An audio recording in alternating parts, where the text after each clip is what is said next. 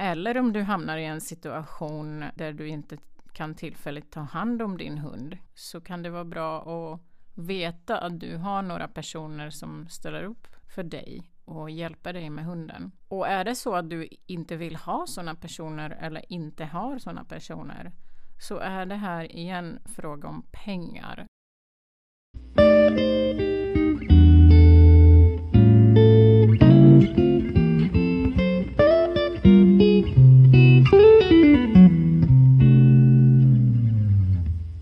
Hej och välkomna till Valpkonsultpodden. Det är jag som är valpkonsulten och jag heter Petra Harvankova. Idag vill jag ge er fyra råd och tips kring vad man ska tänka på innan man bestämmer sig att ha hund.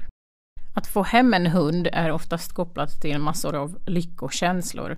Men det jag nu kommer prata om eh, är kanske lite trist eller allvarligt, men jag känner att det är viktigt eh, att ta upp dessa aspekter av att ha en hund. Och jag tycker att innan du ska börja fundera på vilken hund du ska köpa så bör du fundera kring fyra aspekter av hundäganden. Och om du inte uppfyller eh, någon av de här så ska du fundera om du överhuvudtaget ska köpa en hund. Så här kommer de fyra olika aspekter.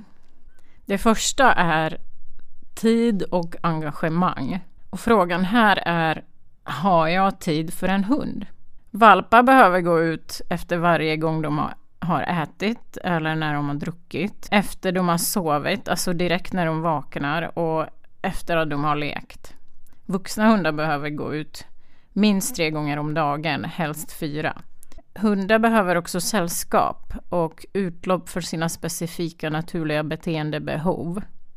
En annan grej som hundar behöver är sysselsättning för att inte ha tråkigt, men även tid för vila och återhämtning. Och många hundar behöver även känna meningsfullhet. Att de, de har ett band med sin ägare som de kan tillhöra och vara av service på något sätt. De flesta djurägare jag träffat beskriver känslan att köpa en valp lite som att få hem ett barn. Många hundar lever ungefär 10 år. Vissa, framförallt småraser, lever upp till 15-17 år. Och därför ska du vara beredd att ha tid för hunden i ungefär 10-15 år. Och det var det jag menar med engagemang. Nästa område att tänka på är pengar. Och frågan är, har jag pengar för att ha en hund? Det är inte bara priset för själva valpen som du ska tänka på. Det är accessoarer som bädd, koppel, sele, halsband, leksaker. Det är foder och belöningsgodis. Det är försäkring, veterinärkostnader. Hunddagis eller någon som kommer gå ut med din hund varje dag om du inte jobbar hemifrån. En annan möjlig utgift är kurser och träning. Starkt rekommenderar att du tränar med din hund lydnad. Vissa vill ställa ut sina hundar, det kostar också pengar. Den tredje aspekten har jag kallat för nätverk.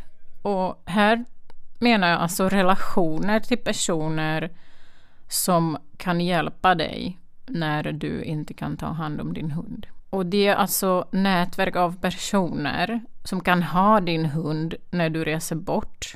Eller om du hamnar i en situation där du inte kan tillfälligt ta hand om din hund så kan det vara bra att veta att du har några personer som ställer upp för dig och hjälper dig med hunden. Och är det så att du inte vill ha sådana personer eller inte har sådana personer så är det här igen fråga om pengar. För om du behöver lämna ifrån dig hunden för längre perioder kommer du göra det på ett hundhotell och de kostar också pengar. Och den sista frågan är hundpassning under dagen. Eh, när jag jobbar alltså. Så om du inte jobbar hemifrån och inte kommer göra det framöver i framtiden för 10 till 15 år framåt. Och frågor här är, finns det en plats på ett hunddagis? En annan fråga som kan uppstå, kommer min hund vara en lämplig individ för att vistas på hunddagis? För inte alla hundar passar att vara på hunddagis och inte alla hundar trivs på hunddagis. Så då kanske du behöver betala någon att gå ut med din hund varje dag.